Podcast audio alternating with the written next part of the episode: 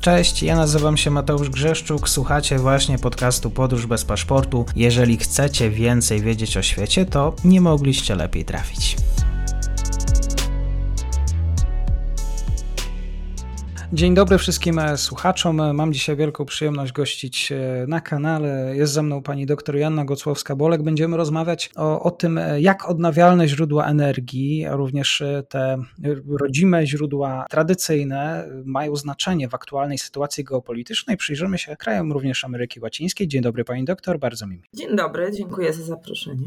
Rosyjski atak na Ukrainę całkowicie zmienił, spowodował taką konieczność zmiany myślenia jeżeli chodzi o kierunki transformacji energetycznej właśnie Europy. Europa poszukuje e, źródeł energii ropy, gazu. Na Bliskim Wschodzie poszukujemy e, na północy Afryki, są kontrakty z Algierią, jest iż e, też oczywiście ważnym graczem jest Maroko, ale w pewien sposób pojawia się również kierunek Ameryka Łacińska. Jakiś czas jeszcze temu, jeszcze czerwiec, blisko czerwiec, dwa miesiące, obserwowaliśmy, obserwowaliśmy informację, że dziurę właśnie po węglu z Rosji będzie mogła pomóc e, zasypać e, Kolumbia. Tutaj wskazywane na to, że kluczowe, kluczowe będą te wybory prezydenckie. To właśnie po tych wyborach prezydenckich okaże się, czy ten węglowy kierunek w stronę Europy, czy ten węglowy kierunek będzie miał się szansę realizować. Właśnie, Kolumbia i rozładunek węgla z Kolumbii też informowała o tym pani minister Anna Moskwa, że to byłoby możliwe. Pytanie, jak wygląda dzisiaj ta sytuacja po dwóch miesiącach? Faktycznie z Kolumbii płynie już do nas węgiel i to od, od jakiegoś czasu, bo te kontrakty zwykle są podpisywane na, na, na kilka lat i one są realizowane już i do, do, do Polski przypływa e, tego, tego kolumbijskiego węgla już od, od, od wielu miesięcy e, sporo ładunków. Także Kolumbia oprócz, oprócz USA, oprócz Australii, RPA, Indonezji, innych, e, innych krajów, no jest tym dla nas źródłem, źródłem węgla. Węgiel kolumbijski o tyle jest ciekawy i atrakcyjny z, z, naszego punktu widzenia, no i zwłaszcza w tej obecnej sytuacji, ale nie tylko, bo tak jak mówię, to, to od wielu miesięcy już realizujemy takie, e, takie, takie zamówienia. To jest węgiel wysokoenergetyczny o wyjątkowo niskiej zawartości siarki, co jest bardzo ważną cechą i e, w związku z tym e, jego wartość opałowa jest bardzo wysoka i z kolei niska zawartość, zawartość popiołu. To wszystko sprawia, że to jest wyjątkowo atrakcyjny węgiel. On jest też pozyskiwany no, w sposób, no, z naszego punktu widzenia, patrząc europejskiego, tak w sposób dość tani. Transport też dzisiaj już nie jest takim wyzwaniem ani logistycznym, ani e, finansowym, no więc e, rzeczywiście ten węgiel, ten węgiel e, płynie. W Polsce ciepłownictwo potrzebuje właśnie węgla o takiej niskiej zawartości siarki. Tu ta zawartość jest poniżej 0,6%. Zapewne specjaliści tutaj pokiwają głową, że, że, że to jest coś, e, czego wyjątkowo my potrzebujemy. W Polsce takiego węgla jest stosunkowo mało, dlatego to jest, e, to jest takie źródło, na które my patrzymy zainteresowaniem już e, tak naprawdę od lat. Ale, no właśnie, nie, nie wszystko tak, tak ładnie się układa, no bo, no bo przecież musi być bardziej skomplikowane. I tutaj dwie, dwie, dwie takie okoliczności musimy mieć na uwadze. Po pierwsze, jest to w Kolumbii tak zwany krwawy węgiel, bo jeżeli sobie się przyjrzymy na te okoliczności, w jakich on jest e, produkowany, w jakich jest wydobywany, niestety one są e, e, zatrważające wręcz. Największa, największa taka kopalnia, w ogóle największa w całej Ameryce Południowej odkrywkowa kopalnia węgla kamiennego, ona się znajduje w, właśnie w Kolumbii, El Carrejon. To jest kopalnia, wokół której no, narosło tutaj wiele takiej też narracji bardzo, bardzo niekorzystnej. Ona może nie do Europy niekoniecznie dociera i do nas w szczególności, ale tam dochodzi do, do, do, do wielkiej przemocy, do łamania praw człowieka, do wysiedlania ludności mieszkającej i ludności rdzennej, i takiej ludności wiejskiej, która po prostu od, od, od lat tam mieszkała. Dochodzi do trwałej degradacji środowiska, do obniżenia wód gruntowych, do zanieczyszczenia tych wód, które potem niestety, ale powodują ogromne ogromne spustoszenie wśród na przykład zwierząt domowych, wśród również ludności, która nie ma skąd tej wody pitnej wziąć, a, a wcześniej czerpała no, z lokalnych źródeł. Również dochodzi do biodegradacji, do zmian, takich trwałych zmian w szacie roślinnej, dlatego że te rośliny, które do tej pory tam naturalnie, w sposób naturalny rosły i odnawiały się, one w tej chwili no, nie mogą w takim dużo bardziej suchym e, środowisku już, e, e, już, już rosnąć. Dochodzi do ogromnego zanieczyszczenia powierzchniowego i właśnie zanieczyszczenia tych wód gruntowych, do niszczenia też lokalnej infrastruktury, no, z której korzystają te kopalnie, bardzo często nie mając w ogóle, nie biorąc pod uwagę no, potrzeb i, i tego, że, że ludność lokalna tam mieszka, chce żyć. Z kolei też trzeba to zaznaczyć, to, to jest ogromna kopalnia. E, ona ma e, blisko 700 kilometrów kwadratowych powierzchni, więc wyobraźmy sobie, to jest, to jest ogromna rzeczywiście powierzchnia, e, ale też największy pra, pracodawca w tej okolicy. No więc, prawda, ludność korzysta i ludność niestety traci, bo tam mamy też wiele takich przypadków, one nie do końca są potwierdzone, prawda, badania czasem wykazują, czasem nie, zależy kto to prowadzi, kto potwierdza, jakie raporty powstają, ale jest bardzo dużo przykładów e, chorób, e, którymi przede wszystkim objęte są dzieci. E, również chorób, na przykład bydła, jakichś zwierząt domowych. To wszystko układa się w taki bardzo niekorzystny obraz i w związku z tym są też lokalne ruchy, bardzo, bardzo czasem bardzo takie silne, rosnące w siłę, które dążą do tego, aby walczyć z tym, z tym wydobyciem węgla i, i z kopalniami i legalnymi i nielegalnymi, bo też tych nielegalnych albo takich półlegalnych oczywiście inicjatyw tam jest bardzo dużo. Natomiast Kolumbia jest krajem tutaj najbardziej niebezpiecznym z punktu widzenia e, liczby zabójstw e, osób, e, takich aktywistów ekologicznych, czy jak nazwać, osób, które prowadzą działalność nagłaśniającą właśnie łamanie prawa i w szczególności łamania praw człowieka. I w roku 2020 tak zginęło 65 osób, no przynajmniej tyle potwierdzono, to jest najwięcej, po prostu najwięcej na świecie. To wszystko układa nam się w taki obraz bardzo, bardzo ponury, prawda? Natomiast tutaj e, wspomniałeś o tym, że w Kolumbii, tak w obliczu pewnych zmian politycznych, no, może, może tutaj będzie więcej znaków zapytania. No i właśnie doszło y, kilka dni temu, niedawno, na początku sierpnia, doszło do zmiany na fotelu prezydenta e, w Kolumbii. I o ile z poprzednim prezydentem, właśnie z poprzednimi prezydentami, no bo to z, z, z, od wielu lat się tak układało, były porozumienia i już faktycznie oni mieli taki pomysł, żeby rozwijać po prostu ten, ten przemysł wydobywczy i tutaj właśnie z poprzednim prezydentem te, te nasze umowa została podpisana z prezydentem Iwanem Duque, to teraz obecny prezydent, nowy, zupełnie, zupełnie z innej opcji, z innym pomysłem, e, Gustavo Petro, ma inny pomysł na Kolumbię. I jednym z, nie będziemy wnikać tutaj w całą jego retorykę, wszystkie te jego e, propozycje, natomiast jedną z głównych, e, jednym z głównych pomysłów no jest właśnie to, żeby, żeby zakazać wszystkich nowych inicjatyw wydobywczych w Kolumbii i tych dotyczących węgla, i tych dotyczących ropy naftowej i oprzeć rozwój Kolumbii zupełnie na czymś innym, to znaczy na rozwoju przemysłu, e, na rozwoju usług, a odejść od,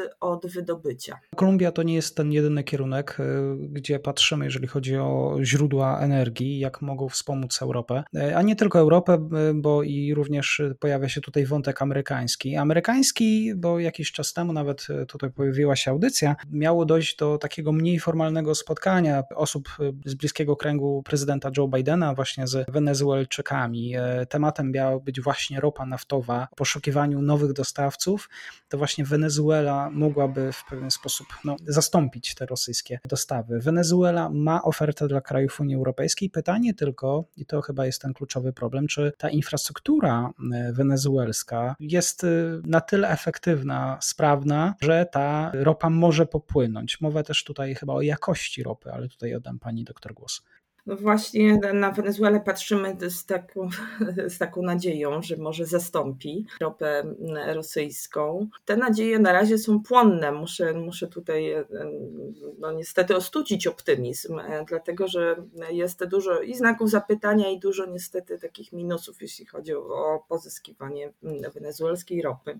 To wszyscy już pamiętamy, o tym zresztą chyba żeśmy mówili tutaj na, na, na łamach naszych, naszych spotkań, że Wenezuela Wenezueli są największe na świecie potwierdzone złoża ropy naftowej i to, to jest fakt. I faktycznie e, Wenezuela jest tym atrakcyjnym na pewno e, partnerem i, i tak na to staramy się patrzeć. Natomiast e, Większość e, tych złóż wenezuelskich to są złoża e, ropy bardzo ciężkiej, takich frakcji ciężkich, bardzo gęstych, wręcz jak masło, wręcz w stanie stałym, które do dalszej obróbki, nawet do transportu nie nadają się bezpośrednio, tylko muszą zostać rozcieńczone taką lżejszą ropą. W związku z tym e, tak naprawdę i pozyskiwanie i, i potem i, i przeróbka tego na, na jakieś produkty naftowe, ale nawet nawet transport y, wymaga no, pewnych y, określonych technologii. Te technologie są specyficzne dla Wenezueli i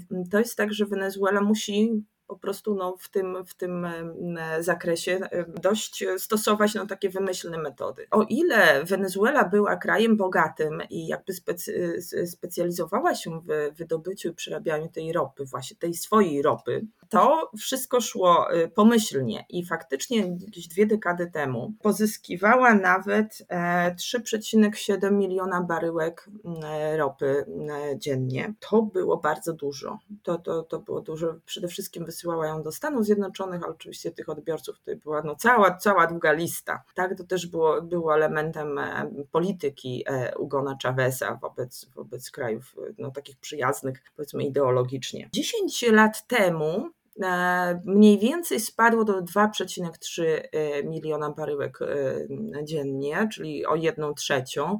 Obecnie mówi się, że Wenezuela produkuje między 0,6 do maksymalnie 0,9 miliona baryłek dziennie. To jest dużo, dużo mniej. I oczywiście można tutaj sobie rozważyć, że mogłaby produkować więcej, tylko to nie jest takie proste. E, potrzebne są ogromne inwestycje w sektor naftowy, który jest e, niedoinwestowany, który jest przestarzały, który nie ma tych technologii, który no, wymaga tak naprawdę remontu w każdym zakresie. Na, na co byśmy tylko nie spojrzeli, tam po prostu trzeba unowocześnić, coś tam zbudować, e, odnowić. Również wszystkie ropociągi, już nie, nie mówią o całej strukturze wydobywczej, ale wszystko dookoła, cała infrastruktura jest po prostu w tej chwili zdewastowana Dodatkowo, jak sobie przypomnimy jeszcze początkowe lata tak naprawdę rządów Chaveza, to on w pewnym momencie się zdenerwował i zwolnił, wysłał po prostu spoza Wenezueli specjalistów od sektora naftowego, dlatego że, że po fali strajków w tym największym przedsiębiorstwie naftowym e, PDVSA doszedł do wniosku, że po prostu, że są niewierni mu, to, to, to pozwalnia. W związku z tym właściwie od 2002 roku no, postępuje taka dewastacja wszystko dopóki się kręciło, to się kręciło, tak? Ale nie ma, tam już nie mówię, że osób od zarządzania, no bo nie ma, to, to z całą pewnością, ale nie ma nawet zwykłych techników, jakichś inżynierów, którzy są w stanie naprawić na bieżąco po prostu to wszystko, co się psuje. Już nie mówię o nowych, nowych jakichś pomysłach, prawda? Bo przez 20 lat to tam tak naprawdę no, trzeba by już stosować zupełnie jakieś, jakieś nowe rozwiązania. Tego wszystkiego nie ma. I teraz to nie jest nawet kwestia tego, pieniędzy, tak? Ale nie ma kim zastąpić e, tych specjalistów, którzy w tamtym momencie po prostu najzwyczajniej w świecie wyjechali z Wenezueli w innych krajach po prostu zaczęli pracować w swoim, w swoim e, zawodzie, albo, albo po prostu zmienili zupełnie zawód i oni nie są zainteresowani tym, żeby tam wracać w żaden sposób. Nowych osób nie ma w Wenezueli. I teraz we wszystkich tych miejscach oczywiście nie tylko potrzeba pieniędzy, ale trzeba pomysłu, trzeba, trzeba też e, ludzi, którzy by to mogli z powrotem postawić na nogi. Tego Wenezuela w tej chwili nie ma. Jeżeli sobie się przyjrzymy tam po trochu, tak naprawdę płyną inwestycje, pomimo tego, że są ogromne sankcje nałożone na cały przemysł przez Stany Zjednoczone i i nie wolno tak prowadzić żadnych, żadnych inwestycji, tak naprawdę zobaczymy tam, że tam już jest obecny Iran ze swoimi inwestycjami i w różnych takich miejscach poprzez drobne inwestycje, drobne pożyczki na przykład, no stawia, próbuje stawiać na nogi, oczywiście nie po to, żeby tę ropę potem wysyłać do Europy, tylko żeby samemu, samemu na, tym, na tym bardzo korzystać. Przypomnijmy, że Wenezuela też potrzebuje e, nie tylko e, eksportować ropę, żeby, żeby zyskać dewizy, ale potrzebuje importować najpierw tę lżejszą ropę, żeby, e, żeby po prostu móc ją zmieszać. Także tutaj widzę w ogóle kraje arabskie, które tam są obecne, którym, którym zależy na tym, żeby po prostu sobie budować, odbudowywać ten, ten przemysł no, w taki sposób, że samemu korzystać.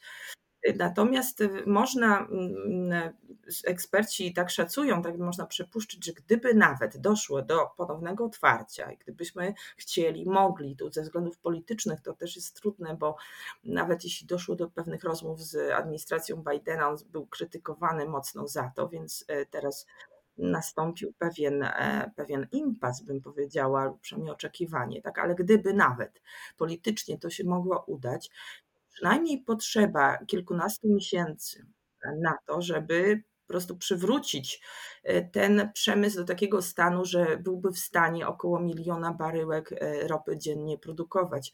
Teraz jeszcze pytanie, czy my rzeczywiście tej wenezuelskiej ropy potrafilibyśmy tutaj sobie użyć, dlatego że europejskie rafinerie nie są do tego przygotowane. Trzeba by z kolei przystosować je technologicznie do tej ciężkiej ropy, innej zupełnie, o innych parametrach. I takie inwestycje, czy one są, są efekt, byłyby efektywne, to znaczy, że my rzeczywiście przewidujemy przez następne ileś tam lat będziemy z tej wenezuelskiej ropy korzystać.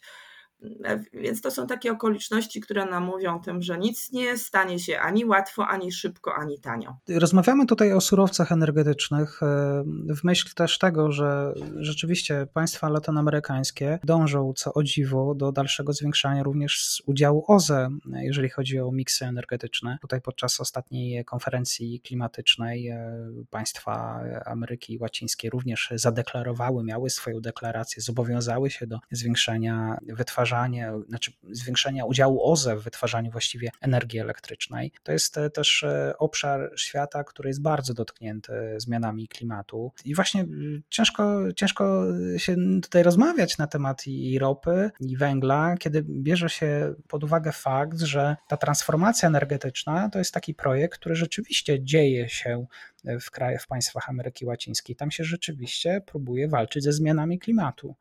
No faktycznie, jak sobie na to spojrzymy tak z pewnego dystansu, to się okazuje, że to jest Ameryka Łacińska, która tutaj y, y, odgrywa główną rolę w walce z, z tymi przemianami klimatycznymi, to znaczy chciałaby pewnej e, takiej globalnej odpowiedzialności. I to jest Ameryka Łacińska, która zapoczątkowała taki e, proces spotykania spotykania się w międzynarodowym gronie. To już było, przypomnijmy, pierwsze, pierwszy szczyt taki klimatyczny, czy który dotyczył y, właśnie zmian klimatu i w ogóle ochrony e, środowiska w związku z tym i odpowiedzialności człowieka za, za, za to i polityków.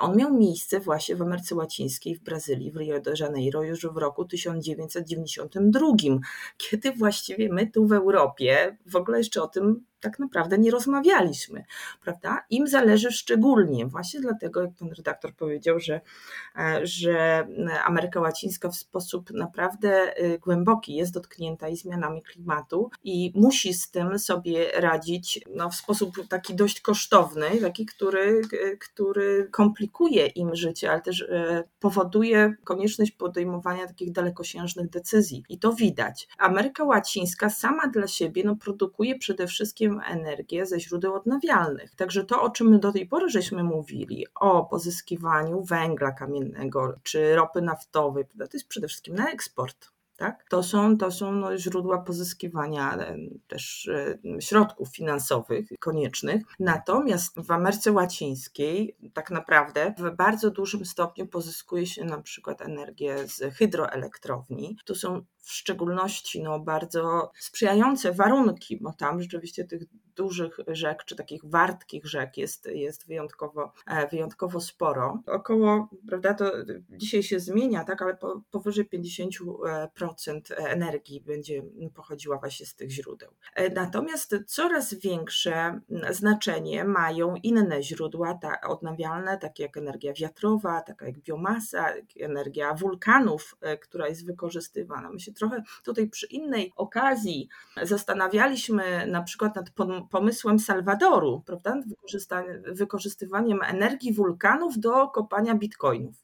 Tak, ale to nie jest nic, co, y, co byłoby dziwne, czy jakoś szczególnie interesujące, no właśnie w Ameryce Centralnej, no bo to jest, to jest jedno z takich naturalnych, głównych źródeł e, energii, właśnie energia e, wulkaniczna.